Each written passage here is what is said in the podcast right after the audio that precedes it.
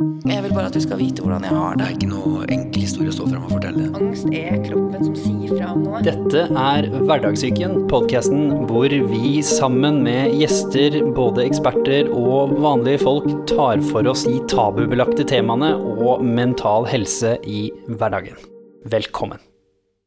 Velkommen tilbake til alle dere som hører på, og velkommen for første gang til dere tre. Det er fullt studio her i dag. Velkommen. Takk. Tusen takk. Hjertelig. Og i dag så skal vi snakke om for så vidt både et yrke, men også selvfølgelig psykisk helse knytta til dette. Vi skal snakke om da veterinæryrket i seg selv, men også selvfølgelig, dere er jo ikke her bare for å snakke om yrket generelt. Det er også at eh, dere dessverre ligger på en veldig heavy statistikk som handler om selvmord, men også da selvfølgelig slitt psykisk, men også høyt arbeidspress og selvfølgelig elementer ved det yrket som gjør at det kan kanskje være ekstra utfordrende. Og Derfor så har vi med oss både folk med selvopplevd erfaring og fagfolk og alle mulige tror jeg føler vi har henta fra øverste hylle her nå. For å få litt innsikt eh, i dette her. Det er også et tema som har blitt ønsket seg av publikum. Så da er det jo tydeligvis noen veterinærer eller mennesker som er knyttet til det miljøet, som ønsker at vi skal snakke om det. Så da er det store spennende spørsmålet. Hvem er dere? Vi begynner med deg. Ja, mitt navn er Helene Selline Stalum. Jeg er veterinær i bunn, var ferdig utdanna i 2010. eh, Og jeg har jobba med både små og store dyr. Vært litt innom diagnostikk i et eh, veterinærmedisinsk laboratorie. Og så har jeg jobba ganske lenge innenfor offentlig forvaltning. Eh, Og parallelt da med at jeg er veterinær, så har jeg vel alltid hatt litt sånn interesse for psykisk helse, da. Og nå for tiden, da, så er jeg stipendiat på avdeling for atferdsmedisin ved Universitetet i Oslo eh, med Norvet-prosjektet, som er et prosjekt som skal kartlegge arbeid, trivsel og psykisk helse blant veterinærer i Norge. Spennende. Noe av grunnen til at vi får folk til å altså, introdusere seg selv, som vi gjorde også med statsministeren, det er jo litt fordi at det er jo litt mer um, gøy å høre hvordan du presenterer deg selv. For de fleste har jo en CV som har litt mye på seg når man begynner å bli erfaren, så det er litt gøy å se hva trekker man frem selv i denne konteksten. Så den mest erfarne i rommet, jeg skal ikke da snakke om noe annet enn å kalle det det, så hvem er du? Jo, jeg heter Reidar Tyssen og jeg er professor på avdeling for atferdsmedisin. Det er Helene er også. Psykiater og har jobbet med forskning på eh, helsearbeidere, men først og fremst leger kanskje, og eh, arbeid og mental helse i 20-25 år. Omtrent like lang tid så har jeg også hatt en eh, spesialistpraksis i psykiatri og hatt mye helsepersonell som først og fremst leger faktisk de siste årene som pasienter. Og sist, men absolutt ikke minst, venstre flanke. Jeg heter Maria Tysnes. Jeg er veterinær. Har jobbet i ti år. Eh, både på en liten klinikk hvor man står helt alene, eh, og hva det bringer med seg, eh, til et stort sykehus med legevakt, nattarbeid. Eh, og nå jobber jeg på en sånn mellomstor klinikk med gode kollegaer rundt meg. De siste årene så har jeg vært så heldig at jeg også jobber som kommunikasjonstrener. Så jeg reiser rundt i landet til de andre mm, Anikura-klinikkene, som er den eh, kjeden som jeg jobber i. Eh, Og vi trener på eh, disse utfordrende situasjonene da, som vi kommer i. Ja, for det var en liten sånn uh, spøk ved siden her i stad om at uh, hva veterinæryrket er for noe. Så må liksom ta, ta livet av en myte en gang for alle. Det er ikke sånn at alle dyr ser helt like ut uh, på utvendig og innvendig og blir syke på lik måte, sant. Så, så det er en utfordring bare der. Så det, det var litt med at det leger vi i utgangspunktet skal bare passe på på én rase, mens veterinærer veterinære må jo da du sa du jobbet med små, så på en liten klinikk hvor man kanskje møtte litt andre utfordringer når man jobbet med forskjellige typer dyr. Det er Mm. Ja. veldig forskjellig. Absolutt. Og det er jo litt sånn Det er litt uh, forventet at vi både skal håndtere lungebetennelse på rotter, eh, tannproblemer på kanin, vi skal kunne operere livmorbetennelse på hund, eh, Ikke minst hest og veldig store dyr. Ja, ikke sant? Og de, i- de er jeg full av beundring for, de som står og jobber i kombinert praksis. For da skal du i tillegg drive med fødselshjelp og kyr og hester med brukne bein og um, grisebesetninger med virus. eh, Så det, og alle disse dyrene har forskjellige sykdommer som håndteres på forskjellig måte. Så det, det er krevende. Mm. Det er krevende. Så først, men absolutt eh, ikke minst, hva er veterinær? Sånn kan vi liksom få Hvem som helst kan hoppe på det. Hva er egentlig en veterinær i sånn korte trekk? For det tror de fleste har en idé, men, eh, men hva er det som ligger i den tittelen? Det her er et kjempeviktig spørsmål som jeg også bruker å snakke mye om når jeg snakker med veterinærstudenter, eh, holder foredrag for andre veterinærer. Og det er jo det her forventninga vi har med oss når vi begynner på studiet. Hva er en veterinær? Eh, og bevisst eller ubevisst så har vi jo alle en slags oppfatning av hva veterinærer er, og hva yrket innebærer. Og det, eh, du kan bare prøve å google på, altså et bildesøk på Google på veterinær. Da får du nesten utelukkende opp uh, unge damer med langt hår som ser veldig fresh ut. Gjerne en, med en søt valp eller kattunge ved siden av. Um, og TV-serier om veterinærer er som regel store dyresykehus der det er mye ressurser. Uh, de gjør operasjoner gratis fordi at familien har dårlig råd. Uh, sånn at det um, inntrykket da, som samfunnet generelt har av veterinærer, er nok ganske ulikt det som veterinæryrket faktisk er. Uh, for som Maria sa her i stad, så er det utrolig diversitet i yrket. Du har altså små dyr, store dyr. Eh, I Norge har vi jo en veldig stor sektor med akvakultur, så vi har mange veterinærer som jobber innenfor eh, for akvasektoren her i Norge. Eh, men det som også mange ikke vet, er jo det at veterinærer jobber veldig mye med smittevern, beredskap. Vi har jo veterinærer som står i aller høyeste grad i frontlinja nå i covid-pandemien. Line Wold, som er avdelingsdirektør i Folkehelseinstituttet, er jo veterinær. Eh, og også han som er øverste leder for Pfizer eh, globalt, er veterinær. Sånn at veterinærene har en veldig stor rolle når det kommer til samfunnshelse generelt, og ikke bare som eh, en helsehjelptilbyder for kjæledyra våre. For det første jeg husker, for det første at søsteren min har alltid vært engasjert i dette her. Hun har jo på en måte på et tidspunkt ønsket å, å bli veterinær selv. Og så, det var jo selvfølgelig den lokale veterinæren på bygda som var nok det mer det lille kontoret. Det var én veterinær, hadde selvfølgelig noen assistenter og ting rundt seg, men hvor da klinikken ble jo drevet fra altså ved siden av huset, da, men altså hjemme hos han. Og så var han for det første mest på reis, da, til gårder og til, til lokasjoner som sikkert var fødselshjelp og hjelpe til med de brukne benene. Og, men også selvfølgelig når eh, katten vår ble skadet, eller hunden, eller de mer tradisjonelle tingene som jeg tror vanlige folk kanskje forbinder dette med. Da. Så det var jo absolutt mitt Førsteinntrykk var jo da sånn lege, men for dyr. På en måte var den enkle, mm. enkle forklaringen for, eh, for, meg, da. Når jeg var eh, barn, husker jeg, og ungdom. Og så er det jo ikke da man tenker på alle de andre tingene som du snakker om nå. Mm. Men disse TV-seriene har jo kanskje vært med å forvirre mye, fordi de har vært ganske popis. Så hvordan har det vært, eh, du som har jobbet i ti år, og liksom se disse TV-seriene herje på om det der glorifiserte bildet hvor man gjerne kjører ut i bil og redder eh, dyr som på en måte kanskje ikke har et hyggelig hjem, eller som har blitt skadet, eller det har vært mye sånn hvor blanding av på en måte dyrepolitiet har blitt blanda inn med veterinær, og det har blitt en litt sånn sammensurium eh, av en dårlig superheltfilm, nesten. Du, vet du hva, jeg har ikke sett noen av dem, jeg. Fordi når jeg er ferdig på jobb, da skal jeg jobbe litt med work-life balance, så da prøver jeg, og det er ikke alltid så lett, å skru av det, mm, det veterinærhodet Sånn at um, jeg ser egentlig på andre ting. Så jeg um, Er det ingen dyr? Er det som Du får ikke, ikke Attenborough engang? Er det, hvordan er det da? Nei da. Eh, gjerne dyr, men jeg, jeg, ser ikke på um, Ting som har med jobb å gjøre? Nei. Ikke tror kanskje ikke lege ser på Grace Anatomy heller. Hva tenker du om det? Du som Nei, det tror jeg helst er de unge, eventuelt studentene. Det er noe i det, altså.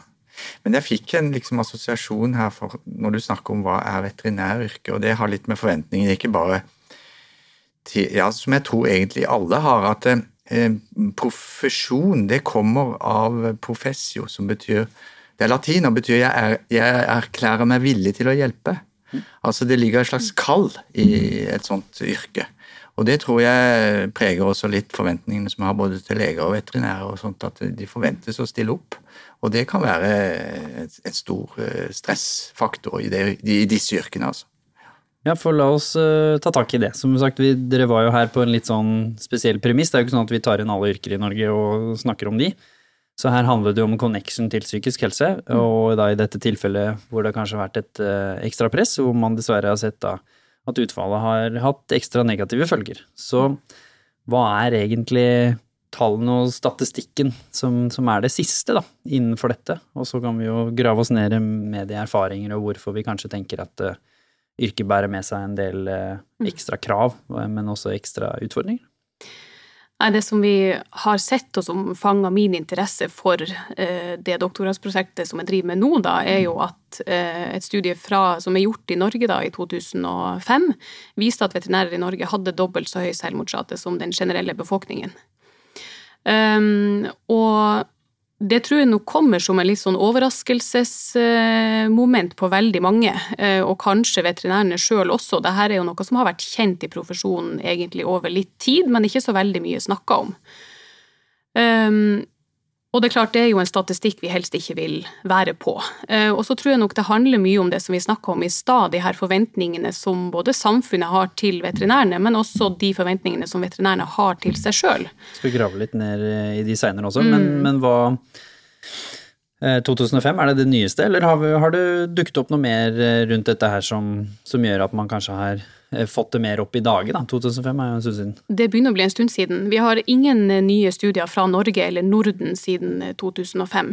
Men det er gjort litt studier på det her med selvmordsrate blant veterinærer ellers i verden. Men det er hovedsakelig fra USA, Australia og UK, som nok er en del av verden der en del ting i yrket er nok likt, men det er også en del i arbeidslivet som er ulikt. Altså USA kontra Norge, f.eks. Der er nok arbeidslivet veldig forskjellig.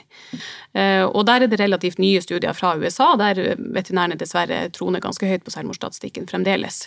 Sånn at det her er noe vi har sett eh, både i flere land, men også over litt tid. Eh, men det som kanskje er fellesnevneren, er at vi vet veldig lite om hva som ligger bak de tallene, og hvilke faktorer er det som eventuelt utgjør en risiko, og hvilke forebyggende faktorer er viktig for å unngå å havne på den statistikken. da. Og det blir jo da vårt prosjekt forhåpentligvis et sånn første steg i å begynne å grave litt i, da. Mm.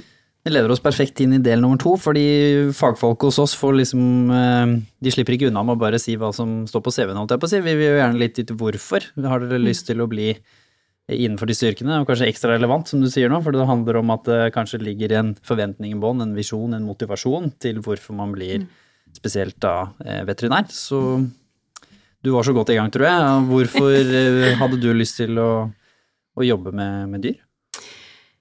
Som så mange andre så øh, var nok det yrkesvalget krystallisert veldig tidlig. Jeg husker jo første skoletimen på barneskolen. Da fikk vi liksom oppgave å tegne eller skrive hva vi hadde lyst til å bli når vi ble store, og det sto selvfølgelig dyrlege med store bokstaver på, på mitt ark. Så øh, det har vært et ønske helt fra barndommen, egentlig, og det tror jeg nok er veldig gjenkjennbart for mange veterinærer at det er noe man ønsker seg veldig tidlig. Og det var jo det ønsket om å kunne hjelpe dyr, ikke sant, få lov til å jobbe med dyr som nok var triggeren eh, for min del. Men også det å jobbe med medisin, for det er jo et veldig spennende fag. Um, og interessant å, å, jobbe med, utover det på en måte bare den pelskontakten. Da. Du var inne på det i stad, men når kom denne interessen for psykisk helse? Fordi de er jo ikke i utgangspunktet, har jo ikke noe med hverandre å gjøre, egentlig. nei, nei, det kan du si. Um, jeg har selvfølgelig gått på en smell sjøl, og for min del så kom den smellen allerede i studietiden. Uh, midt under klinisk eksamen så uh, gikk jeg skikkelig uh, i dørken og utvikla ganske sterk panikkangst i den perioden med klinisk eksamen. Eh, og det er klart at du er jo i en periode da som er den verste sant, i studietiden. Du legger veldig mye press på deg sjøl. Du skal endelig vise fram sant, at du har kontroll på alt du har lært om klinikken, og det er liksom top notch. Men i tillegg så har de fleste deltidsjobber ved siden av for å ha råd til å bo i Oslo. Hospiterte gratis på en klinikk for å slippe å vaske bur, men få lov til å, lov til å være med liksom på det som skjedde av klinikk. Hadde fått ny kjæreste som jeg brukte mye energi på. Så det var mange ting som liksom dro energien fra meg. Ehm, og etter den første eksamenen da, så endte jeg opp på sofaen hjemme i fosterstilling. Eh, pulsen raste, kaldsvetta i hendene, eh, snørte seg i halsen og sleit med å liksom trekke pusten. Ehm, men jeg skjønte ganske fort at det var ikke hjertesvikt det dreide seg om, det satt eh, i hodet, da. Jeg fikk heldigvis veldig god hjelp veldig fort fra studenthelsetjenesten og gikk til psykolog annenhver dag faktisk i den eksamensperioden. Eh, og kom igjennom eh, på et vis, og det gikk bra. Og samtidig, da, så når det her sto på, så tenkte jeg vel at det var på en måte bare studiestresset og det å være student og liksom alle de tingene der, mens et retrospekt så ser jeg jo at Jeg hadde en ganske krevende familiesituasjon personlig, da, som også tok veldig mye tid, og opplevde mm, selvmordsforsøk i nær relasjon. Og den egenerfaringa med psykisk uhelse Eh, kombinert med å ha sett liksom, selvmordsforsøk i, i nær omgangskrets, eh, og også kombinert med at det var ingen som snakka om de tingene her på den tida, gjorde at jeg tenkte at nei, vet du hva, det her det må vi jo bare tørre å snakke om. fordi at det er jo så vondt og vanskelig å ha det sånn, eh, og det blir så mye bedre av å snakke om det. Så da um, skrev jeg et debattinnlegg i Veterinærtidsskriftet helt tilbake i 2016 faktisk, om at veterinærer må tørre å snakke om psykisk helse. Og da starta engasjementet? Da våkna liksom den spira der. Mm. Ja. Og du? Hva var det som gjorde at du tenkte veterinær? Sto det, sto det dyrlege på, på, tegningen din også i første klasse? Mm, nei, det var ikke så klart så tidlig. Eh, men jeg har alltid vært eh, interessert i det medisinske da, og det faglige. Ehm, Syns kanskje det var litt for skummelt å skulle ha ansvar for menneskene. Alltid vært veldig glad i dyr, eh, så det ble det naturlige valget, da. Eh, og det, jeg, det angrer jeg som oftest ikke på. Men av og til. Jeg har også eh, holdt på å slutte å jobbe. Jeg har, ikke hatt noen sånn voldsom psykisk smell, men jeg har vært såpass lei at jeg har søkt andre jobber. Og jeg jobber jo nå Jeg jobber jo bare 50% som klinisk veterinær, og jeg vet at jeg hadde ikke klart å jobbe 100. Um, Skal vi vel snakke mer om etterpå også? Mm. Men ja, husker du noe fra du var yngre, hvor du kjente liksom at det var der motivasjonen til akkurat det med dyr begynte? Da? For du kunne jo kanskje blitt lege da, isteden? Hvis det var liksom det medisinske og det faglige. Hva var det som, som gjorde at det var dyrretningen eh, som, som dukket opp og ble dominerende? Det er jo klart, altså jeg har nok alltid vært eh, litt over gjennomsnittet glad i dyr, og det er selvfølgelig det ønsket om å eh, hjelpe kanskje individer som eh, ikke prater, og som har mm. Det er ikke så lett for dem å altså kunne bidra på den måten. Ja. Og du? Ja? Hva var det som gjorde at du tenkte at eh, nei, det både innenfor medisin med lege og så etter hvert psykiater, og det var veien å, å gå? Mm. Ja, nei altså som, eh, som nevnt her, så er dette med Jeg tror interesse for eh, biologi og medisin har ligget ganske tidlig, altså studere, tenkte faktisk på å studere biologi tidlig, men, men eh, så var det dette å liksom bruke det til noe nyttig, da, og liksom litt sånn altruistisk. Så, så hadde jeg mor som var sykepleier, så det, det har nok påvirka meg. Og jeg vil også si jeg hadde også noe psykisk sykdom i nær familie som gjorde at jeg har vært eh, sikta meg inn mot psykiatri. Eh, jeg har også opplevd Jeg har jobba som fastlege noen år. og og i en vanskelig periode i ekteskap og greier, og hadde sleit, eh, må jeg si. Eh, og etter den skilsmissen så, så gikk jeg også i egenterapi. Det var veldig bra, for da kjente jeg at det er faktisk mulig som lege også, at du kan være pasient. Og det, det, er, en, det er, en, overgang for mange, faktisk. Og det, og det gjelder ikke bare at dette, Du nevnte dette at det er et stigma blant, eh, blant veterinærer. men også blant leger så er dette med psykisk helse faktisk et forbausende stort stigma. Ja, så, mm. Spennende. Ja, stigma, veterinær. Hvorfor det? Hva, hva, er det som på en måte ved dette prestisjeyrket som gjør at man kanskje tenker at her er det ikke noe rom for verken å si at man har for mye å gjøre, eller at uh, mm. det var kanskje ikke helt sånn som jeg så det for meg når jeg skrev dette i første klasse, mm. uh, når man begynner å jobbe. Og ikke minst overgangen kanskje mellom, mellom studie og, og, fulltidsjobb, da. Mm. Jeg tror nok definitivt at uh, de som trekkes mot profesjonsyrkene, har nok uh, litt sånn uh, kan ofte være av en spesiell type personlighet, da. Ikke alltid, men, men jeg kjenner i hvert fall veldig mange veterinærer som er Veldig perfeksjonistisk, eh, kanskje litt på grensa til nevrotisk. og um, har en veldig stor ansvarsfølelse for det de driver med. Uh, og akademisk high achiever. Altså det er vanskelig å komme inn og vanskelig å komme ut. Mm. Ikke sant. Og det her jeg tror nok er en gjenganger blant alle de her studentene i profesjonsyrkene, at du får høre når du kommer inn på studiet at det her er kremen av norsk ungdom, det er så vanskelig å komme inn her, og så er du plutselig da i et miljø med bare sånne rundt deg, ikke sant. Som kanskje er med på å forsterke den uh, high achiever-måten du, du, jobber på. Og når vi da kommer ut i yrket, så er vi vant til å være den som ordner opp. Eh, vi skal eh, ta vare på både hund og eier, eh, og vi blir kanskje litt lik de pasientene våre som den kommer den labradoren inn som halter, men som logrer likevel og er så glad og fornøyd. ikke sant? Og sånn er det kanskje litt med de veterinærene også, at vi, vi kommer inn, og så er vi på den scenen, og vi har rollen vår, og da skal vi liksom ikke vise den sårbarheten vår i yrket. Men det tror jeg nok er viktig å ha med seg også den sårbarheten i alle profesjonsyrkene egentlig som man har. Absolutt, det kan vi grave oss ned i. Hva var det du møtte når du var ferdig på skolen og kommer inn da skulle inn i yrket? Hva var det du tenkte om både yrket og deg selv inn i dette her? Altså, det er jo først når man kommer ut i klinisk praksis at læringskurven begynner, og det er jo sånn at vi går seks år på skole, vi blir drillet til det medisinske, vi blir stødige fagpersoner.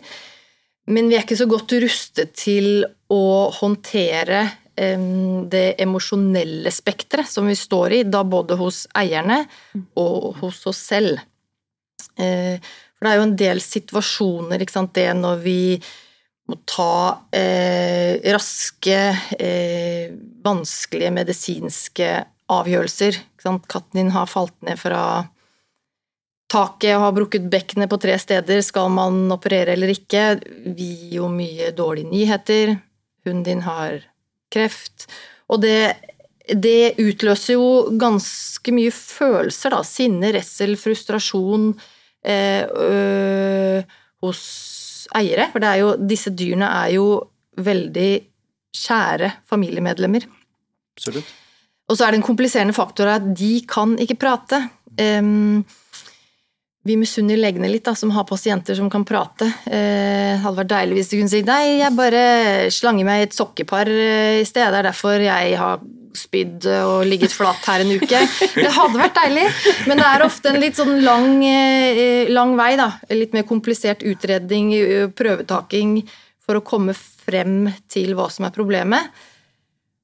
Og så har vi det at uh, dyrene betaler ikke skatt. De har ikke noen sånn trygdekasse som, som, tar mesteparten av regningen, sånn som for oss mennesker. Så det, det triangelet der om at dette er kjære familiemedlemmer, de prater ikke, de betaler ikke regningen selv, gjør at vi, eh, vi må opptre som fagpersoner, psykologer, økonomiske rådgivere. Og det sto det ikke så mye om i pensum. eh, at det faktisk er sånn at kanskje den arten du må kunne mest om for å gjøre dyr friske, er menneske. Mm. Men det gjelder jo leger òg. Fordi her føler jeg liksom at eh, vi hadde en episode om psykologer eh, her for eh, ikke så veldig lenge siden, hvor disse psykologene var veldig tydelige på at profesjonsstudiet ikke forberedte dem på det de skulle møte. Hvor de også har mye av det samme. Mye utbrenthet første to år, veldig mange som slutter.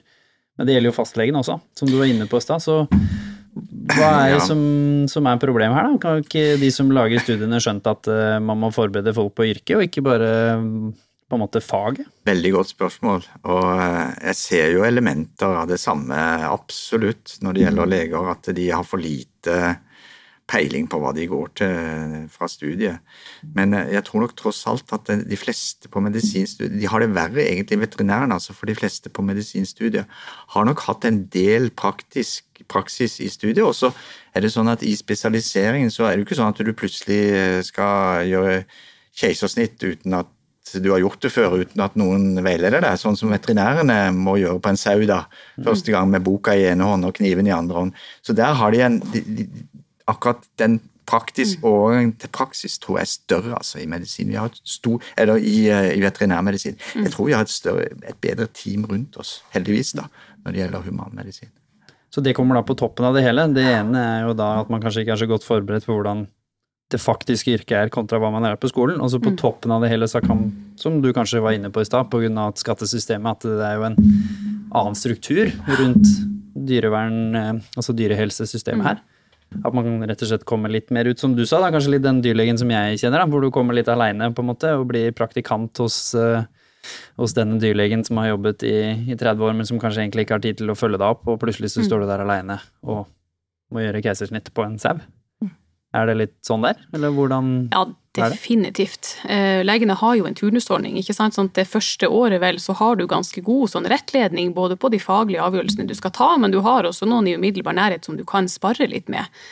Eh, og det har ikke veterinærene. Det er Fra en dag til en annen så har du 100% ansvar for pasientene dine fra dag én. Og da er det plutselig ingen som er det der sjekkpunktet for det lenger. Og den overgangen kan nok være veldig, veldig tøff. Og kombinert da med at du ikke har fått noen formell trening i eh, hvordan drøfte vanskelige ting med dyreeiere, eh, snakke om pris, økonomi, altså kommunikasjon, jeg tror jeg er en kjempestor del av det. Eh, du har liksom ikke med deg de der verktøyene for å håndtere alt det der andre som ikke er det veterinærfaglige, og som faktisk utgjør en veldig stor del av jobben. Hvis du skulle dele Du har sagt at du har ikke nødvendigvis hatt noe på en måte tradisjonell psykisk smell selv, men hvis du skal dele det, det tøffeste øyeblikket som du har møtt da, som veterinær, hvor du tenkte at det her, det gidder jeg ikke, en måte. Altså hvor du møter en situasjon hvor du skjønner at dette kompetansen du sitter med, matcher ikke det som kreves, og du føler at eh, du kanskje ikke nødvendigvis kan være med å bidra til å løse problemet heller, da. Hvor man rett og slett bare ikke føler seg god nok. Ja, det tøffeste jeg syns med yrket, var når jeg hadde vakt. Eh, når du da eh, For der også har nok legene bakvaktsystem som veterinærer no? Noen jobber jo på store dyresykehus, men de aller fleste gjør ikke det. De står jo helt alene. Helt alene på eh, større eller mindre klinikker, og, og man skal ta ganske store, voldsomme avgjørelser alene eh, midt på natta, som du vet får store konsekvenser for den familien. Husker du noen av de som, som sitter litt i hos deg, som er et eksempel på hvordan det var? Jeg husker jo med godt feilene jeg gjør, da. Ikke sant? Feilene når man da eh, gjør feil som får store konsekvenser for, for en familie. Og det er jo Det er noe som eh, sliter veldig på meg, og på mange andre. Nå jobber jeg også som litt sånn kollegahjelp da, for de som gjør feil. Eh, hvordan skal man håndtere dette for eier? Eh, og for seg selv, da. Og hva skjer hos dem selv, da? For det er, liksom, det er hvor kjernen av episoden ligger. Så det er sånn, Hva- hva satt du igjen med ved en av disse situasjonene hvor du forsto at her kunne jeg kanskje ha håndtert det bedre, og utfallet kunne kanskje vært annerledes. Det skjer jo, eh, om man er lege eller dyrlege eller hva som helst, så, så det skjer jo alle. Men hvordan sitter man og føler på det da når kanskje konsekvensen av det er litt mer fatal enn en markedsfører som kanskje ga ut feil annonse, og så fikser vi det etterpå, på en måte. Det er litt vanskelig å fikse det hvis det gikk skeis, som dyrlege. Ja, det er fryktelig tungt. Eh, virkelig. Og det som eh, man jo eh, Ikke sant, man er jo Når man gjør feil, så Vi er veldig opptatt, sånn som vi jobber nå på disse kursene, da, at det er tillitsvekkende å innrømme feil. Så både det å eh, be om unnskyldning på en ordentlig måte til dyreeieren, så de får muligheten til å komme seg videre. Sinne setter jo sorgprosessen på vent. Så det er det ene steget, å, be om unnskyldning på, på riktig måte. eh, og også for sin egen del, for det er lett at det kommer en djevel på skulderen og bare ja, men det er jo egentlig ingen som kommer til å finne ut av dette her. Eh, og bortsett fra at det er ikke veldig godt for eh, for sin egen syke. Så det er jo det å eh, det, det er godt å kunne være ærlig og si det. Og så er det jo veldig viktig det med eh, kollegaene man har, da. At man har folk rundt seg og reaksjoner rundt seg. Altså, vi er jo mennesker, og vi gjør alle feil, større eller mindre, men da er det så utrolig viktig at kollegaene har en reaksjon som ikke dytter den skyldfølelsen over til den mye styggere skamfølelsen, for da eh, begynner man gjerne å, å, å slite, da. Men jeg regner med dere sitter jo ikke her fordi at eh, verden er sånn. Så det er jo sikkert sånn noen steder, fordi det kommer jeg an på fra sted til sted med kollegaer. Så Ja. hva er det ved yrket som gjør at eh, man kanskje kjenner enda mer på disse feilene og står alene, da, som vi allerede har vært. Og så er du alene i en klinikk, så sier det seg selv at du ikke har noe støttenettverk. Men det er jo også store sykehus da, for, for dyr, hvor man i utgangspunktet har kollegaer og til og med nå i dag har kurs og oppfølging. Så hva er det kanskje ved yrket som gjør at man sitter mer med disse tingene alene og deler mindre? tror, det, her er det gjort veldig lite forskning, så vi har veldig lite sånn å komme drastende med liksom, konkrete tall på det. Men det er blant annet gjort noen sånne intervjustudier med veterinærer som hadde forsøkt å ta livet sitt. Og det som de trakk fram som hadde vært i hvert fall medvirkende årsaker til at eh, de fikk det så tungt i yrkessammenheng, var eh, bl.a. det her med at det var for lite praktisk erfaring i studietida. De følte ikke at de hadde liksom nok kompetanse, spesielt praktisk da, på de praktiske gjøremålene. Men så var det også det her med manglende kollegastøtte. Eh, mange føler seg veldig isolert i yrket, jobber mye alene, og det er jo kjemperelevant i Norge, for Norge er jo mest distrikt. Og vi har eh, en pågående eh, krise, egentlig, med vaktdekning i Norge. Det er jo sånn at alle kommuner i Norge er pålagt å ha en offentlig veterinærvakt, men det er mange kommuner som sliter med å få tak i veterinærer til å inngå i, i de her vaktrulleringssystemene. Og det er dels fordi at det er så mye jobb eh, og så lite inntjening at det på en måte ikke det går ikke rundt eh, med å kombinere med et vanlig liv. Og så er det selvfølgelig arbeidspress og stress. Jeg tror veldig mange veterinærer identifiserer seg veldig med yrkesrollen, sånn at du er ikke ferdig med å være veterinær når du går hjem fra jobb. Eh, du tar med deg jobben hjem og liksom går og kverner på det. Og så er det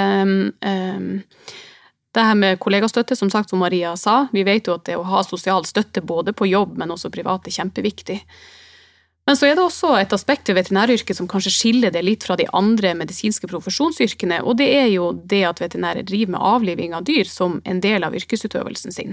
Eh, og her er det igjen forska veldig lite, så vi vet ingenting konkret her, men det er klart at um, det her med holdninger til døden, er det annerledes hos veterinærer? Det vet vi ikke per i dag. Men det er jo et interessant aspekt ved det. Og det er klart at veterinærer eh, har jo både tilgangen til og kjennskapen til potensielt dødelige legemidler. ikke sant? Eh, sånn at veien er kanskje veldig kort hvis man fort har det veldig vanskelig. Og der skiller nok også veterinæren seg litt fra legene, fordi at på et fastlegekontor så har du kanskje ikke så potente legemidler i så store mengder, ikke sant? mens alle veterinærer har denne avlivingsveska i hylla på kontoret. Og det er klart at det, det er nok ikke den eneste årsaken til at selvmordsraten er høy i yrket, men, men, det er en tankevekker som vi kanskje trenger å diskutere mer, da. Ja, har du Det er et dumt spørsmål, fordi alle veterinærer har selvfølgelig avlivet et dyr. så hvordan føles det? Fordi det er som sier, det er jo få leger som driver med det. Det har jo vært en evig debatt med aktiv dødshjelp og disse tingene hvor man har vært delaktiv ved å skru av maskinen, er vel på en måte det nærmeste man er. Eller hvis man mister en pasient på, på ER, på en måte. Men hvordan er det å måtte ta avgjørelsen å si sånn som du sa i stad, at her er rett og slett kanskje kostnaden så stor at uh, beklager, vi kan ikke jeg anbefaler ikke å gjøre operasjon, men selvfølgelig valget blir jo hos, hos, eier, da. Men hvor man ender opp med det at de avliver et dyr som i teorien kunne vært reddet, men det hadde bare kostet veldig masse penger, f.eks. Hvordan føles det etterpå? Det med avlivning, der tror jeg også vi veterinærer er veldig forskjellige. Jeg personlig, i en sånn situasjon, føler mest på at uh, her har vi en familie som mister et kjært familiemedlem. Så min, mine følelser og min sorg er nok kanskje mer med Mest hos den familien som, som mister det dyret. Eh, mens jeg vet at også mange veterinærer eh, kan sørge over at det dyret mm, i større grad enn meg, kanskje, da. Men eh, det er det jeg føler mest på. Mm. Og du? Du har vel selvfølgelig gjort det, du òg? Så hvordan føles det å, å, måtte avlive det du har drømt om siden du var barn, og være med å hjelpe? For det er jo det du også har snakk om. Som du sa, denne kjærligheten til dyrene og yrket. Og så plutselig ja. blir du stående i at uh, stort sett uh, hver eneste måned, regner jeg med, så må man avlive opptil flere dyr man blir jo ikke veterinær for å avlive dyr, ikke sant? Du blir veterinær for å hjelpe dyr. Eh, og så er det sånn da at eh, det her eh, veterinæryrket her skiller seg fra de andre medisinske profesjonsyrkene fordi at vi står i det krysspresset mellom økonomi og dyrevelferd og etikk da noen gang, ikke sant? Og det er jo, det er jo ikke en jeg kan ikke si at det er en god følelse å avlive et dyr, men det kan være litt ulikt. da, ikke sant? Hvis det er et veldig gammelt dyr som har det veldig vondt, Eh, så kan det nesten føles litt godt å kunne hjelpe dem ikke sant? til å ikke ha det vondt lenger. Eh, men så har du den andre siden av det også, der du har dyr som kanskje burde vært avliva fordi at livskvaliteten er såpass lav, eh, og så ønsker ikke eieren det. Og da kan man jo ikke avlive det dyret. sånn. Det er mange fasetter rundt det her med den dyrevelferden og avliving som, som nok fører til en del emosjonell belastning for veterinærene, både, både fordi at det er tungt i seg sjøl å, å, avlive et dyr, men også alle de andre aspektene rundt det, ved at du kanskje ikke får gitt den hjelpen du føler at du burde gi. Hvordan var det for deg? Er det noe du husker som, som du regner med andre kan kjenne seg igjen i? At den, kanskje den første, altså jeg vet ikke hvordan det må ja. jo være litt rart første gang man må gjøre det, på en måte. On top of my head, i hvert fall. Det er det. Eh, og det er Jeg tror nok det som gikk sterkest inn på meg eh, mens jeg enda var i klinisk praksis, det er den effekten det har på familien rundt. Eh, jeg har jo blant annet avliva hunder som ligger i fanget til eieren sin. ikke sant? De vil ikke slippe dem ned på gulvet, og de vil på en måte ha dem tett.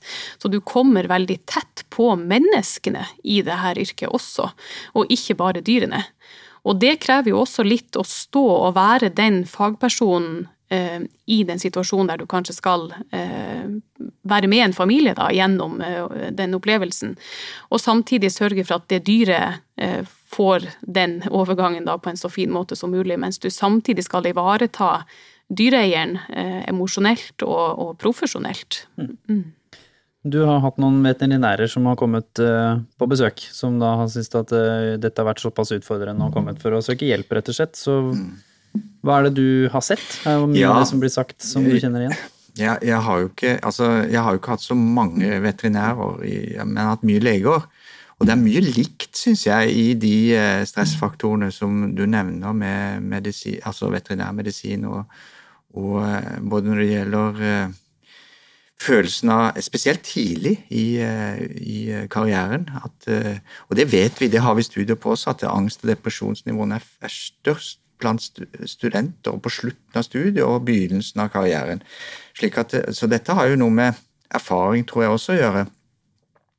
Vi var jo inne på det der med Altså, vi var inne på dette med personlighet i stad. Det tror jeg er litt viktig, altså. fordi at det er jo noen som har sagt det på den måten at det er de beste som brenner ut. og og det er faktisk noen trekk som er knytta til det med utbrenthet, som er veldig gunstig også. Altså det med noe følsomhet, sensitivitet og samvittighetsfullhet. Vi vil jo ikke ha verken veterinærer eller leger som ikke er samvittighetsfulle, og som ikke er følsomme og empatiske, ikke sant. Men det er snakk om det mer sånn optimale nivå. Når det blir for mye av det, så, så blir det problematisk. Og jeg vil tro noe av det samme gjelder psykologer. Jeg hørte dere snakke om den profesjonen også. Så her ligger det altså noe som er viktig, og som kanskje ikke Og det at folk strekker seg langt, det er jo veldig gunstig for de som eier dyreklinikker, eller de som eier sykehus osv., men, men, men en tenker ikke på hva den belastningen faktisk eh, gjør, og kanskje ikke er nok Det er, det er ikke nok ivaretagelse. Jeg vil si både kollegastøtte og og det at arbeidsgiver ser at dette er et belastende yrke, er kjempeviktig, altså, hvis vi skal unngå at eh, folk brenner ut i disse yrkene. Det er det gjelder det samme egentlig for uh, unge leger som jeg tror for unge veterinærer på det området. Jeg tror vi er inne på noe spennende også. Du, du åpnet jo liksom sårbarhetsboksen i stad. Mm. Um, jeg og vi og det vi holder på med, handler selvfølgelig mye om det. Vært mye um, spokesperson for det også. så hvis man som sier da, at kanskje yrket i seg selv krever jo litt at du også skal være i stand til å kunne kontrollere følelsene dine, fordi du hele tiden blir eksponert for liv og død og veldig heavy ting. Så det er klart hvis du er, lever med følelsene utapå, så varer du ikke lenger, rett og slett. Sånn, men hvordan skal du klare da å kombinere det, å ha det empatiske for å kunne ta bedre avgjørelser, rett og slett? Som du sier, det er vel ingen som vil ha uempatiske verken leger eller eh, veterinærer eller psykologer, for den saks skyld. Mm. Men samtidig klare å ikke være for empatisk og ta inn for mye som gjør at du rett og slett bare orker ikke mer. Etter mm. to år så er mm. du liksom Da er vi ferdig, eller at man føler at man må omskoleres og, og begynne å jobbe mm. med datamaskiner eller et eller annet som ikke bringer frem følelsene, på en måte. Jeg tror, eh, Vi snakka jo så vidt om det her i stad, at hvem er det som blir veterinærer, og de personlighetstrekkene med at man er perfeksjonistisk og man ønsker å gjøre en god jobb og high achiever. Og, og jeg tror at for de persontypene der, så blir det ofte litt sånn forvirring mellom det her med egoisme og sunn selvinteresse, ikke sant.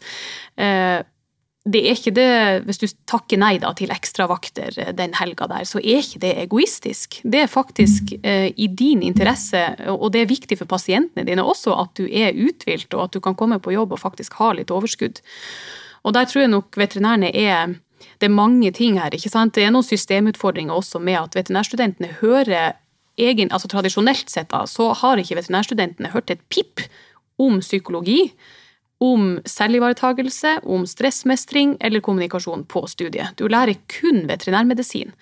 Sånn at når du da kommer ut og møter det der yrket på andre sida, så har du liksom ingen av de verktøyene, og da blir det jo veldig, veldig vanskelig når du ikke engang vet hva du skal se etter. Og så har vi ikke den der grunn Um, jeg tror ikke legene har veldig mye psykologi på studiet, dem heller. For lite. Men Altfor lite, dem også. Men de har i hvert fall hørt litt om det, og har kanskje en knagg eller to å henge Eh, symptomer da på som kommer fra liksom den psykiske helsen, mens veterinærene har ingenting. Og det er klart Når du ikke vet noen ting om hva symptomene er på depresjon eller angst eller, eh, sant, eller utbrenthet, så er det veldig vanskelig å, å, oppdage at du kanskje sliter. Og så tror man at man er den eneste i verden som syns at dette er slitsomt, men sånn er det jo absolutt ikke. Og det er derfor jeg tror det er så viktig. Nå har jo vi gått fra det, tematikken i veterinærprofesjonen med psykisk helse har eh, forandra seg veldig de siste årene. Og vi har gått fra at ingen snakker om de tingene her i det hele tatt, til at veldig mange snakker om det veldig mye, egentlig. Sånn at vi er i et litt sånn skifte nå med tanke på oppmerksomheten mot det her med selvivaretagelse og, og stressmestring, og det at det faktisk Det er lov å si at det kan være krevende, men det går bra likevel. Men for å kunne diskutere det, så må vi jo vite litt om hva er det som ligger bak, og når er det vi skal liksom trykke på knappen og si at nei, vet du hva, nå trenger jeg en timeout. Ja, du jobber jo Du har bestemt, som du sa, når ikke du vil jobbe fullt med akkurat denne delen, en klinisk veterinær, så hva var det som lå bak det valget? Når var det det skjedde? At man tenkte at eh, nei, jeg ønsker å kombinere det med dette, men også være med å kunne bidra og støtte andre kolleger og de andre tingene du gjør? Nei, jeg, jeg, er jo nå så heldig at jeg jobber eh, et sted da, hvor eh, ledelsen har skjønt det at man eh, Vi trenger mer enn akkurat kurs i mage-tarmproblemer eller eller sånne ting. Så, så jeg Og den Jeg elsker den jobben. og vi da på disse kursene så eh, trener vi da på alle disse situasjonene som vi står i som kan være tøffe. Det er jo forsket masse på lege-pasient-forholdet. Eh, det er ikke gjort så mye forskning på veterinærsiden, men heldigvis for oss så jobber jo vi med akkurat de samme menneskene. Så øh, jeg og to kollegaer vi har gått i, trening da, hos en uh, barnelege, Bård Fossle Jensen, som har um, doktorgrad da, i klinisk kommunikasjon, så har vi tilpasset dette veterinærverden. Og du nevnte nå, du snakket nå om empati og utbrenthet. Empati er faktisk noe som vi trener på på dette kurset, fordi vi eh, vi vet jo at empati er utrolig viktig i tillitsbyggingen med eier. Da det er jo vist av forskning at hvis man klarer å vise empati én gang i løpet av ehm, konsultasjonen, så øker tilliten. Og vi vil jo at eier skal få den gode følelsen. Ehm, men vi trener på å gripe de riktige liksom, empatiske sjansene og bruke effektiv empati. For det er også noe man kan gå på kurs i. Effektiv eh, empati som man vet treffer mottakeren best. Å bruke det riktig, så det har en effekt. Og samtidig så skal vi ikke ta med oss dette hjem eh, eller la det overta for mye av oss, da. Så trener vi jo på Det er også gjort mye forskning på hvordan man best kan gi en eier en dårlig nyhet, sånn at de er rustet til å håndtere dette eh, og komme seg videre. Det er jo en del psykologiske mekanismer der som uh, vi da tar i bruk. Det å uh, sant, ta, med eier, ta med eiers perspektiv i situasjonen og samvalg, ta med eier på disse store medisinske avgjørelsene. Før så var det jo mye mer sånn at Det var jo både på lege og veterinær at det er Eh, man har denne eh, Legen eller veterinæren bestemmer, vi lager en plan, og eh, pasienten bare følger med. Nå er det jo vel kommet en lov som altså lege må ta med pasienten sin i samvalg, og det jobber vi også for, for her er det vi også snakk om masse penger. og sånn at eieren kan få lov til å være med i alle Store valg. ledd, da. Mm, store valg. Og da unngår man jo veldig mange misforståelser eh, og klager og vonde situasjoner, da.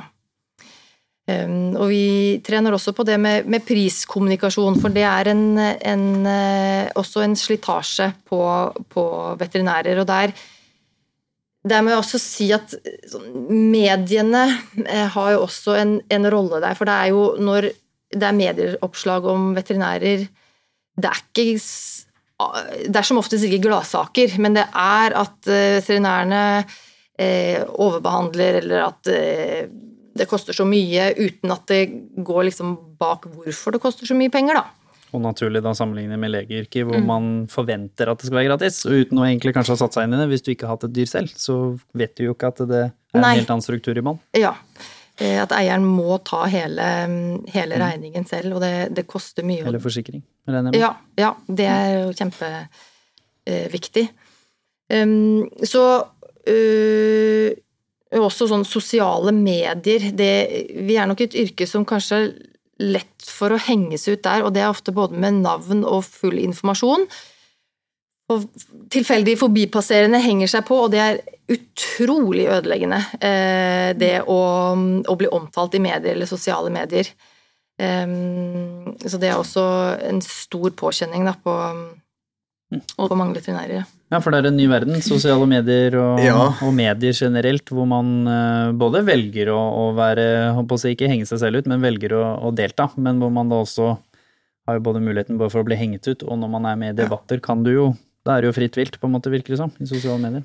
Det er, jo, det er jo det, altså. Og det, det er noe av det samme faktisk også for leger. Det er legelisten, ikke sant. At du på en måte Du har noe av det samme der. En, en, jeg har bare lyst til å nevne det med det økonomiske, fordi at det er klart at det, er du, jobber du i oppdrettsernæring, som mange gjør, veterinærer, og kanskje får sykdom i en sånn eh, mære, da, så er det jo slakte for millioner av kroner, som eh, er ganske stor belastning altså, å stå i for de som driver i akvanæringen også. Så det er sånne ting som man kanskje ikke tenker på til daglig, som et veterinæryrke. Tenker bare på de små kattepusene eller de små bikkjene, men her er det snakk om millioner av kroner. Så, men det er veldig mye likt, og det er vel noe av grunnen til også altså Det er jo like høy selvmordsstatistikk blant leger som blant veterinærer. Altså det, det, er, det, det er mye likt her, altså. I, i presset, i jobb, og, og kanskje at en ikke Vi var innom det der med sårbarhet i stad, men jeg tror kanskje at noe av grunnen er at yrket krever så mye av deg i forhold til å sette jobben først i andre, det går på liv og helse løs, at du, du må litt glemme deg selv, da. Eller undertrykke dine egne følelser. Så jeg tror en ble litt immun mot egne problemer i denne jobben. På en veldig uheldig måte, altså. Sånn at det, eh, det, det tror jeg Jeg merka det sjøl da jeg begynte i psykiatri, fordi at jeg hadde jobba bare i somatisk medisin lenge. og Begynte i psykiatri, så måtte jeg begynne å, å føle igjen, altså kjenne etter. Hva, at det var lov til å gjøre det. Og, og være åpen på det også. Så, så jeg tror at det, det er noe med disse yrkene som gjør at en, at en investerer så mye i, eh, i pasienten, altså. At eh, det går litt på bekostning av ens eget følelsesliv. Det tror jeg kan være en faktor. hadde jo vært gjennom en runde sjøl, så hvordan var det du klarte å komme deg gjennom det? Fordi det virket jo som du også nå forsto at nå må jeg snakke om det, og nå må jeg ta tak i ting, ellers så blir det ikke noe løsning her. Jeg bruker å si det at jeg ville aldri vært foruten den panikkangsten. Fordi at det gjorde faktisk at jeg fikk en kraftig vekker med tanke på det her å kunne sette grenser for seg sjøl. Og når man er i et sånn yrke og kanskje er av en sånn personlighetstype som er høytidende og ønsker å gjøre en god jobb, og sånn, så er det vanskelig som sagt å prioritere egne følelser og sette de der grensene for seg sjøl. Um, Jeg ble tvunget til det, og det har vært til stor hjelp for meg videre i livet også, fordi at eh, nå vet jeg når det er på tide, og så klarer jeg liksom å ta den pausen før det smeller. Eh, Og jeg har brukt å illustrere det ved at jeg var ganske langt nede da, når jeg opplevde den panikkangsten som verst, men, eh, men angst er jo en av lidelsene som faktisk eh, man kan gi ganske god behandling for, så jeg kommer relativt raskt tilbake igjen i, i fullt trøkk, for å si det sånn. Eh, men samtidig så, så, gjorde det nok noe med meg også som person at eh, ok, det er faktisk lov eh, å prioritere seg sjøl. Og som vi snakka om i stad, denne forvirringa mellom egoisme og sunn egeninteresse, den ble nok vekket veldig for min del, og har gjort at jeg har klart å sette de nødvendige grensene. For at jeg tror mange ønsker så gjerne sant, å gjøre den gode jobben, men så ser man ikke samtidig at man er faktisk nødt til å ha det bra sjøl for å gjøre en god eller en best mulig jobb. da. Uh, og jeg tror den erkjennelsen som jeg var igjennom da, at vet du hva, hvis ikke jeg har det bra, så uh, blir det liksom ikke bra på jobb, og, og uh, det er vanskelig å være en god kjæreste. Og, så det er faktisk til alles beste at man tar vare på seg sjøl. Og det tror jeg er ekstra viktig å liksom ha i bakhodet. Og det er så viktig, for det er det ingen som har sagt til de her veterinærstudentene tidligere. Så det at vi faktisk bare sier de Jeg tror ikke liksom man må ha et helt år med kommunikasjon og psykologi i veterinærstudiet, det er ikke det det handler om. men det å liksom åpne den døra og, og den takhøyden for at uh, det her er et yrke og en profesjon der vi har takhøyde for hele mennesket, for vi er jo ikke bare veterinærer. Vi er jo en mamma, og så er vi en søster, og så er vi en kollega, vi er eh, en god venn. Så vi har liksom så mange arenaer i livet vi skal fungere på, og da kan vi ikke brenne ut alt i den der veterinærrollen. Absolutt ikke. Og som Hva kan samfunnet gjøre her? Hvilke, det antydes jo at det er kan eh, Det er ikke en samfunnspodkast, men vi tar alltid med litt sånn hva kan bli bedre også. Én ting er å snakke mer om det, ha kollegaer, det er jo de på en måte faktorene som, som alltid går igjen. Men hva er det for noe konkret her, i f.eks. enten studiet, nå var du toucha mm. inn på det, eller hvordan veterinæryrket er mm. organisert, som kunne ha forhåpentligvis påvirket uh, selvmordsstatistikken, men også psykisk, helse, psykisk uhelsestatistikken positivt? Ja. Jeg tror nummer én er jo eh, i studiet selvfølgelig å få inn mer, og, og, det gjør de også i Norge. De har begynt å sette psykisk helse og stressmestring på timeplan, så det her det kommer liksom med sånne forsiktige skritt, men i en veldig eh, riktig retning, da. Eh, men så er det nok også i, når du kommer ut i arbeidslivet, den her overgangsfasen, altså at du har en eh, type tilsvarende turnusordning. Nå jobber Veterinærforeninga med det, med en sånn mentorordning der alle de nyutdanna får oppnevnt en mentor. Det er ikke noe valg, du får en mentor, og så kan du velge om du vil bruke den eller ikke. Som skal fungere som en støtte da, i spesielt det første året i praksis. Og så må man jo ruste arbeidsplassene eh, kanskje bedre da enkelte steder til at man faktisk tar høyde for at folk skal ut i fødselspermisjon. Folk blir syke, eh, enten korttids, altså forkjølelse og nå ikke sant, i covid, man må holde seg hjemme. Eh, så du må ha nok ansatte rett og slett til å drifte det her, og, og vaktordninger som er robust nok til å håndtere det at veterinærer er faktisk mennesker med et liv utenom også. Det er ikke bare jobben. Så nei, det er nok mange ting som eh, kan endres på. Og som sagt, som vi snakka om i stad, at det som kommer ut i media er som regel at hvis du kjører 30 km, så sparer du 10 000 kroner på veterinærregninga. Sånn at det er nok veldig mange som ikke vet helt hvor mange andre faktorer det er i veterinæryrket som ikke er så rosenrødt. Det er ikke bare valper og kattunger. og, og det er mange tøffe tak i yrket også som man ikke nødvendigvis ser da, som dyreeier. Du jobber jo et sted som, som, kanskje har tatt tak i det på en litt annen uh, måte, som du sier. Så hva er det du har sett der som du tenker kan være ekstra viktige ting for andre som driver klinikker, eller som, som jobber et sted som kanskje kan løfte dette til ledelsen der de jobber, om at dette kanskje er noe som burde testes ut der hvor de er også, hvis de føler at dette ikke er på stell? Ja, um, ja altså, jeg, jeg føler meg heldig, for jeg har en jeg har lydhøre sjefer som nok tar eh, eh, tar dette på alvor. Men det er jo igjen litt det med Tilbake til det med altså, sunn drift av eh, dyreklinikker, da. Fordi i forhold til det med å ha nok folk på jobb eh, det kommer jo også litt, Vi kommer litt tilbake til det med liksom, priser på, på veterinærtjenester som, som um, Det er ikke så mange som reagerer på uh, hvis altså, snekkerregning på 10 000, eller bilen skal på verksted, eller Men det er liksom blitt en sånn um, gjengs i samfunnet at å gå til veterinæren er veldig dyrt. Uh, og jeg, kan, jeg, er enig i at det er mye penger. Ehm, men det at folk må vite at eh, alle disse pengene Det er ikke fordi veterinærene er griske og tjener veldig mye penger, men å, men å drifte eh, små sykehus, det koster mye når dyrene ikke betaler skatt. Um, så det um, det prisnivået som, som, er, da, veterinærtjenester, må, må koste det for at klinikkene skal ha god nok økonomi til å ha nok veterinærer på jobb. Så man mm. får ha pauser, så man får eh, ikke må jobbe overtid eh, så ofte. Så man har eh, gode kollegaer å spare med. Så der, Det er også en sånn samfunnsmessig sak vi må jobbe med. At eh, en aksept for at prisene for å gå til veterinær er, ligger på det nivået. Det kan sammenlignes med private legesentre og tannleger. Eh. Mm. Med én viktig forskjell, hvis jeg får lov til å skyte inn, og det er jo at veterinærtjenester er momsbelagt. Sånn at, eh, og det er jo en stor forskjell fra tannleger, f.eks. private eller legetjenester, private tjenester. Eh, og det du betaler på veterinærregninga, 25% av det går jo til staten. Så det kunne vi bare fjerna, da? Ja.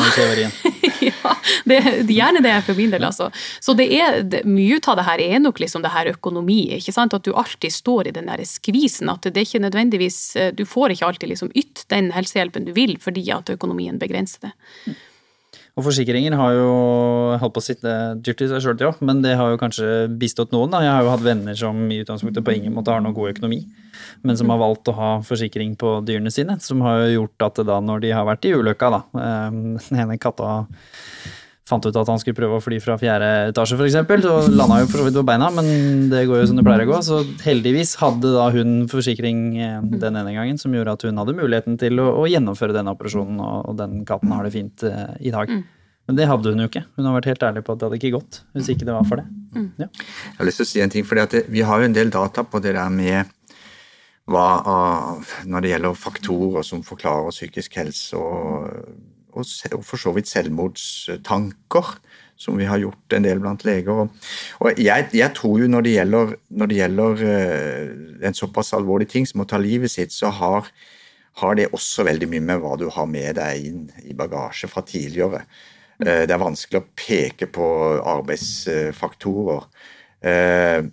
Eh, når det gjelder det å slite og brenne ut og få angst og depresjon, så er det veldig mye knytta til arbeidsfaktorer mm. i dette yrket. Men, men, jeg kom til å tenke på det når du nevnte det med eh, det er noe, Vi har noen data på de norske legene også. Vi har fulgt 1000 leger over, over 25 år i, eh, i, en undersøkelse som heter Nordoc.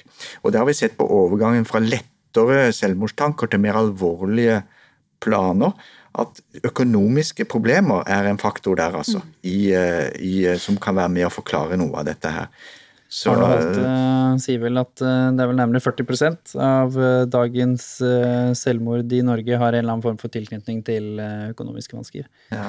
Så ja. det gjelder vel den generelle befolkningen det, også. Det men det kan jo kanskje gjelde enda mer prestisjeyrker, hvor det er kanskje større forventninger til hvordan man skal leve også, hvis man ja. inntekten er høyere, sånn sett. Så hvis man kan ha har fått utfordringene, så kan jo han noe si. Men det er også viktig fra, fra vårt perspektiv, da. Når vi sitter, altså, hører på mange av disse tingene, så handler det også om å tørre å, å se litt det store bildet her også, med at det, som du sier, ja, ok, burnout er jo nå definert som en form for yrkesrelatert psykisk lidelse av WHO, som vi hadde gleden av å snakke med i går, hvor liksom det er en hyllest når vi endelig fått det inn, så nå kan vi si det høyt uten at man blir uglesett og sånn. Mm. Men det handler jo om totalen. Det vil det alltid gjøre. Det det. Så yrket er jo en del av totalen. Som du sier, man er jo et menneske. Så uansett om du har med deg den bagasjen inn på legekontoret som kanskje er med å bidra til at man ender opp med å ikke orke å leve lenger, eller om det er på veterinærkontoret, eller om det er hos eh, Altså på et vanlig hvilket som helst annet kontor. Mm. Så er jo det helt irrelevant, fordi det er jo totalen som er problematikken her. Mm. Så hvis man da i tillegg har et yrke som kanskje har en ytterligere belastning på toppen, mm. som også gjør da på en måte den emosjonelle følelsen av å ikke være god nok mm. enda høyere, mm. som kanskje det kan være innenfor lege og, og veterinæryrket, så skjønner jeg jo at uh, da må man jo også forstå at her må man være ekstra forsiktig, og ikke da kanskje rote seg ut i å begynne å si at uh, at faktorene ikke nødvendigvis er arbeidsrelatert, selv om de direkte er jo ikke knyttet sånn at alle veterinærer er utsatt for å ende opp med å ta sitt eget liv, men det- det, det er er faktisk større en- risiko. Det er faktisk en arbeidsfaktor her også som er veldig viktig i den forbindelse. For jeg mener jo, altså, når man sliter, så bør man jo kunne oppsøke hjelp. Så man, bør man kunne oppsøke eh, faktisk eh, helsehjelp. Mm. Men i disse yrkene da, så er det ikke så lett faktisk bestandig å, å, å gå fra jobben for å gå til legen. ikke sant? Eller For den stenger jo være. Ja, for du har ikke vikarer ikke sant, som kan steppe inn på kort varsel. Slik at jeg tror, Når du er en leneveterinær, så vet du at ja, da må naboveterinæren overta eh, mitt distrikt. og, og man, man er veldig samvittighetsfull her, og det samme gjelder i legeyrket også. At det, at det, at det er ikke de på en måte Terskelen for å søke hjelp ofte blir for høy.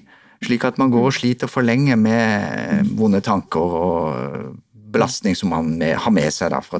Så det er et stort problem. Til forskjell, tror jeg, faktisk fra psykologiyrket, der det ligger mye mer innbakt i utdanningen at det, Du må det jo å- gå i egenterapi. Ja, du må gå i egenterapi. Del av greia. Ja. Så, Men så du det er hadde jo en litt positiv erfaring med det, sa du. Så hvis du skal snakke litt til noen av de der ute, da, fagpersoner som sitter og kjenner litt på at kanskje de enten føler at det er vanskelig å søke terapi, eller at de føler ikke de, de sliter ikke nok, som kanskje man kan kjenne på, eller hva nå en annen unnskyldning Veldig mange eh, som si oppsøker hjelp, ja, de tenker at det ikke er alvorlig nok. Men min erfaring er at når, når leger, og det tror jeg gjelder veterinærer, også søker hjelp, så har de virkelig gått noen runder med seg sjøl. Og ikke vær redd. Altså Egentlig så burde vi jo, i og med at det er såpass belastende yrker her, menneskebehandlende eh, yrker, så, så, burde de, så burde de unne seg også det, altså. Å gjøre det. For det, det er faktisk en, en, eh, en gode for de selv og familien og alt. Altså, fordi at ofte i disse yrkene er det jo ikke, eh, er det jo ikke yrkesutøvelsen som lider først, det er faktisk de som er eh, i familien og, og, helt vanlig, ja, rundt. når altså. man kan Ja, skli over ja. i for med rusavhengighet og problematikk, Ja, ja, ja. eller voldsproblematikk, Ja, ja, ja, eller ja. utagering, eller At, eh, for det henger så høyt, det å gjøre en god jobb og, og ikke gjøre feil, som vi er innom her, at, det, at den strekker seg veldig langt. Og, men, familien merker at her er det noe, altså, som mm. Nå er det gått for langt. Du har også hatt positiv eh, nytte av eh, psykisk helsehjelp, så har du noe å fylle på til kolleger der ute, og kanskje spesielt av de unge, da, hvor vi, vi forstår jo her nå at det, i tidlig i karrieren så kan det være en, en mye større hans sannsynlighet for at man enten slutter i yrket, brenner ut og eller sklir ut på psykisk uhelseskalaen og kan få ting som sitter i årevis. anbefaler alle å gå i terapi. det er utrolig lærerikt, først og fremst. Og så eh, for min del også, så var det nok litt, som Reidar sier her, at har jeg det ille nok til å be om hjelp? Og så tenker jeg at hvis du sitter og liksom kjenner på de tankene, og du sitter og lurer på om «Ah, hadde jeg hatt godt av å snakke med noen, så har man antagelig det. Og så um, hører vi jo historier om at det er lang ventetid ikke sant, enkelte steder. Det er ikke så lett alltid å få den der hjelpen, men da tenker jeg at det viktigste er at du i hvert fall sier det til noen. Eh, og for min del, da, som drev med denne her panikkangsten, så um, Det var noen som beskrev det så godt at du må være ganske kreativ for å utvikle uh, angst, fordi at du må liksom klare å finne på alle de her skumle scenarioene som du kan liksom rote deg inn i, i tankene dine. Og det er noe med at når du faktisk bare sier det høyt, hvis det bare er til en god venn eller en god kollega som du stoler på, så det tar veldig brodden av det når du sier det høyt. For da hører du faktisk hvor eh, lite realistisk de tankene kanskje er da. Men når de får fritt spillerom inni hodet ditt, så, så blir man jo ofte veldig sånn fanga i det. Så ikke vær redd for å be om hjelp, og, og i det minste snakk med noen du stoler på om det. Så kan det lette mye, det, altså. Ja, for det, det er jo det vi er litt viktig opptatt av å snakke om, vi. Det, vi snakket om det til WHO i går også. Du blir jo ikke, enten så er du ikke frisk eller syk. Det er jo en skala med psykiske helsen vår. Det, du utvikler deg jo på den, og til slutt så blir det såpass uhåndterlig at nå virkelig trenger man hjelp. Men det er jo ofte veldig lenge før det at man burde ha tatt tak i dette her.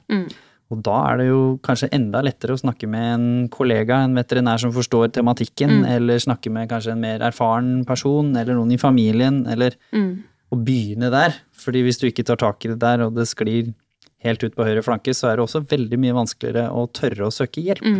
For da er det så floket at du veit ikke hvor du skal begynne engang.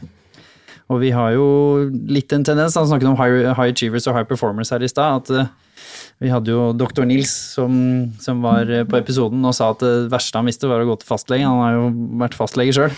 Fordi han visste på en måte liksom ikke helt hva han skulle si, og syntes dette var litt kleint, hele greia. Og da endte jo han opp med at han skrev ned da, på denne lappen hva han gikk for, fordi han ofte somla bort orda sine når han skulle møte en annen fastlege. Og så kommer jeg på, på en måte, det neste leddet kan jo være at du skriver ned den lappen, og så legger du den på pulten til fastlegen din, og så sier jeg vil gjerne snakke om det her. Du trenger ikke engang å si det. Det som står der, er ganske godt formulert, føler jeg. Dette har jeg lyst til å snakke om. Kan vi snakke mer om det? Men det kan du også gjøre med en venn eller en kollega. For jeg tror vi er så redd for at hvis ikke jeg har hele svaret, så kan jeg ikke si det til en kollega. Jeg har en uro i magen og angstsymptomer, men jeg vet ikke hvor det kommer fra. Nå må jeg prøve å finne ut av det først, før jeg sier det til noen. Da har du allerede rota deg inn i at nå begynner du å utsette ting. Og til slutt så kanskje ender du opp med å aldri si det. Mm. Og da begynner dette å bli trøblete, så der er det kanskje ekstra fint med et, et arbeidssted og kurs. For jeg regner med dere på disse kursene også deler jo litt erfaringer, hvor det er litt sånn ja, nei, det har jeg opplevd, og sånne type ting. Så der kan jo kanskje kurs eh, være et godt forslag, at man kan begynne der. For der er det jo ikke sånn at alle på kursene dine har hatt alvorlige psykiske problemer, regner jeg med. Der er det bare nysgjerrige folk som vil Ja, absolutt. Det er jo mer for å eh, at alle skal få noen gode redskaper, da, noen metoder å bruke i de tøffe situasjonene, så at du da du i hvert fall vet at ok, nå her kan jeg basere meg på forskning, og at sånn er det lurt å gjøre det. Og så er jeg, tenker jeg jo det på at vi alle som kollegaer er med på å skape et klima Mm. eh, hvor det er greit eh, å prate om dette her. Og Helene har jo da vært en, eh, er jo en foregangsperson, og du og din makker Marianne Linder Olsen har jo på en måte revolusjonert eh, veterinærverden de siste årene med å, å ta dette opp eh, og legge det på bordet. Mm. Så det er vi jo veldig takknemlige for. Så vi, vi må ha et klima hvor det er rom for, for å prate om dette her. For nå trenger vi hver eneste rollemodell. Eh, Nå er det jo viktig med forskningen og disse tingene også, men vi må jo også ikke glemme at da hver måned så kan det hende at man er så uheldig at man mister noen. Mm. Så jo fortere man snakker om det, tar tak i det, og er den lille rollemodellen og helten på ditt lokale veterinærsykehus eller kontor, jo bedre. Og så tenker jeg at hvis jeg får lov til å skyte til det, at én ting er jo Norvet-prosjektet, som liksom er forskningen som skal kartlegge, sånn at vi får noen tall. Sånn at vi liksom kan, for vi vet ingenting, vi har ingen tall på det her. Så det er én del av det. Men så er den andre delen faktisk, og som er like viktig for meg personlig, er jo akkurat det her å åpne opp for at det er greit å snakke om det. Og Maria nevnte en god kollega av meg som heter Marianne Linder Olsen. Det her med, med høye selvmordstall i veterinæryrket ble jo slått ganske stort opp i Dagens Næringsliv tilbake i 2018. Og etter det så fikk det ganske stor oppmerksomhet, både innad i profesjonen, men også generelt i samfunnet. Så jeg og Marianne har jo da holdt veldig mange foredrag nå de siste par årene, eh, og tatt navnet Psychovets. Eh, Og det er jo akkurat for å liksom ta litt brodden av det her, for vi har et veldig sånn unaturlig skille mellom somatisk og psykisk helse eh, i Norge i dag. Og sist jeg sjekka, så satt jo hodet fast på kroppen, så hodet er i aller høyeste grad en del av kroppen vår, og en i aller høyeste grad en del av helsen vår. Men vi har ikke vært flinke nok til å si at ok, det er faktisk like greit å ta en timeout fra jobb fordi at du har psykiske problemer som at du har knekt en fot. Eh, Så vi har en vei å gå der, og akkurat det her med å holde foredrag og snakke om det, og gjøre det på litt sånn humoristisk måte da med det her psychovets, og liksom prøve å bare Ok, det her er greit å snakke om. Det er ikke farlig å snakke om, og det er ingenting som blir verre hvis du spør. Ikke bare at det er greit å snakke om, men det er smart å snakke om, for det tror jeg er liksom litt mer øh, igjen tilbake på kommunikasjonen til high achievers. da. Det der med å snakke om feil, det med, med en gang du roter seg litt ut i den svart-hvite verden og tenker på, så blir det luggent for high achievers, mens man heller liksom sier det er jo smart, fordi hvis du Ja. faktisk tar tak i det nå, her, så kanskje du trenger tre samtaler med noen. Og så som du sier det, så, så blir det noe vi kan snakke om og putte i erfaringsbagen, og så blir jeg en enda bedre veterinær. Fordi jeg nå håndterer de tingene som står foran meg, enda bedre. Blir mer empatisk og tar bedre avgjørelser, og kanskje da i ditt hode ender opp med å gjøre mindre av disse feilene som man er så redd for, da. Og gjør flere av disse gode valgene. Det gjelder jo alle high achieving-yrker med fatale følger, hvis man kanskje eh, gjør feil, sånn som både lege og veterinæryrket har. Hvis dere skal avslutte med sånt, eh, en sånn enkel sisten reflection til eh, de der ute, hvis du først skal gi en liten eh, reflection til eh, til de mer erfarne, fordi det hører jo med til historien her at det er jo generasjonsskifte i form av at man snakket jo mindre om psykisk helse før. Og du tilhører jo en generasjon hvor, hvor kanskje det ble snakket enda mindre om. Så hva har du å si til de litt mer erfarne hvor dette her sitter og hører på den podkasten her, men de kjenner litt at dette er litt luggent, hele Dette er litt temaet? luggent, ja. Det, ja altså det, det, det som jeg tror, ikke bare de mer erfarne, men de som styrer arbeidsplasser, eh, både i helse- og veterinæryrket, må tenke på at det har skjedd en generasjonsskifte, som du sier. altså. Og det har nok også skjedd et generasjonsskifte som er positivt. Vi har jo, vi har jo undersøkt førsteårs medisinstudenter for 20 år siden og førsteårs medisinstudenter nå, og de ligger vel Altså det, er, det er høyere blant eh, de kvinnelige legene i å rapportere angst og depressive symptomer, men det er også mye høyere i de som har søkt hjelp, av de som sier de trenger hjelp. Slik at det har skjedd et generasjonsskifte som, gjør, som er veldig positivt da, og lovende. Men jeg har lyst til å si at eh, når det gjelder de, de, eh, disse arbeidsgiverne, så er det veldig viktig å huske på at det er nok skjedd et generasjonsskifte fra å ville ha da dette eh, legeyrket eller veterinæryrket som, som eh, en, en livsstil, til mer å se på det som et arbeid og med mer eh, ordinær arbeidstid og mulighet til å ta seg inn da, og som jeg tror er bra på sikt for å kunne beskytte seg mot å brenne ut. Du må se på disse jobbene som å løpe langdistanse. Du kan ikke, du kan ikke løpe ut i 100 meters tempo, og da må du gi mulighet for det, at folk kan få vikarer. Du har såpass med stillinger at de kan være hjemme med barn, også de mannlige, og som ikke tradisjonelt har gjort så mye av det. Så Sånne ting det, det tror jeg er litt sånn viktig at en er klar over. Og det vil være samfunnsøkonomisk viktig også, hvis vi greier å holde folk i jobb. At de ikke må slutte i jobben med i det kliniske arbeidet pga. at de slites ut for tidlig. Så det er, det er ja, det, det, det, det tror jeg er en viktig ting å, å innse dette. Det tok noen år før jeg skjønte det at uh, vi må gjøre noe med arbeidslivet. Vi kan ikke kreve at disse unge legene skal jobbe like mye som vi har gjort. Altså, vi kan ikke det. Vi må gjøre noe med arbeidslivet her, og da må vi ha flere stillinger. Siste liten tanke til, eh, til kolleger der ute. Andre veterinærer, hva er en liten livsrefleksjon du har tatt med deg som du tenker de kan ta med seg videre? Også studentene, selvfølgelig, for de som hører på. Jeg tenker at du også som fagperson, eh, veterinær, at du er, det er en styrke å vise egen sårbarhet. True that, sier jeg til det. Og du, det siste refleksjon. Kanskje du kan ta en liten refleksjon til andre der ute som, som kjenner at de er nysgjerrige på å være med å bidra da, til denne trendendringen, siden du er med og representerer den. Eh, Hva kan de gjøre, de som kjenner at de har lyst til å bidra i positiv retning her? Ja. Jeg må bare få si også det som en sånn avrunding, for vi har snakka mye om belastningsfaktorer og hvor krevende det er, men det er jo også utrolig gøy å være veterinær. Det er et engasjerende yrke. Du gjør arbeid som har stor betydning både for mennesker og dyr. Det er faglig interessant, du lærer utrolig mye. Eh, Så det er et krevende og engasjerende yrke som samtidig krever at du faktisk kobler av jobb. Og det tror jeg er litt sånn viktig, fordi at vi vil jo så gjerne jobbe mye og hardt hele tida, men eh, jeg tror vi alle vet eh, hvilke aktiviteter det er som liksom gir påfyll. Eh, så bare liksom lag avtaler med deg sjøl og prioriter de tingene som du vet gir deg noen ting tilbake, fordi at det har du godt av, og det har familien din godt av, og det har arbeidsstedet og kollegaene dine godt av.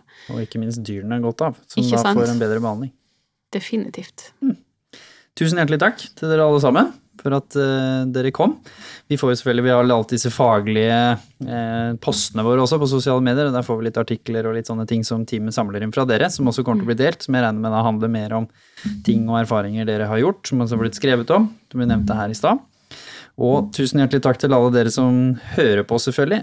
Veldig fint hvis dere er med å dele, for dere vet jo aldri hvem rundt dere som har en, holdt på å si, en veterinær i magen, og som kanskje drømmer om å bli det, men også de som kanskje jobber med det yrket i dag, men også for så vidt legeyrket, hvor dette kan være likså relevant for veldig mange som har lyst til å høre på. Så vær med og del, og ikke minst fortsett å sende inn tips. Dette var jo, kom jo fra dere, folket, at dere ville høre om det her, så fortsett med det.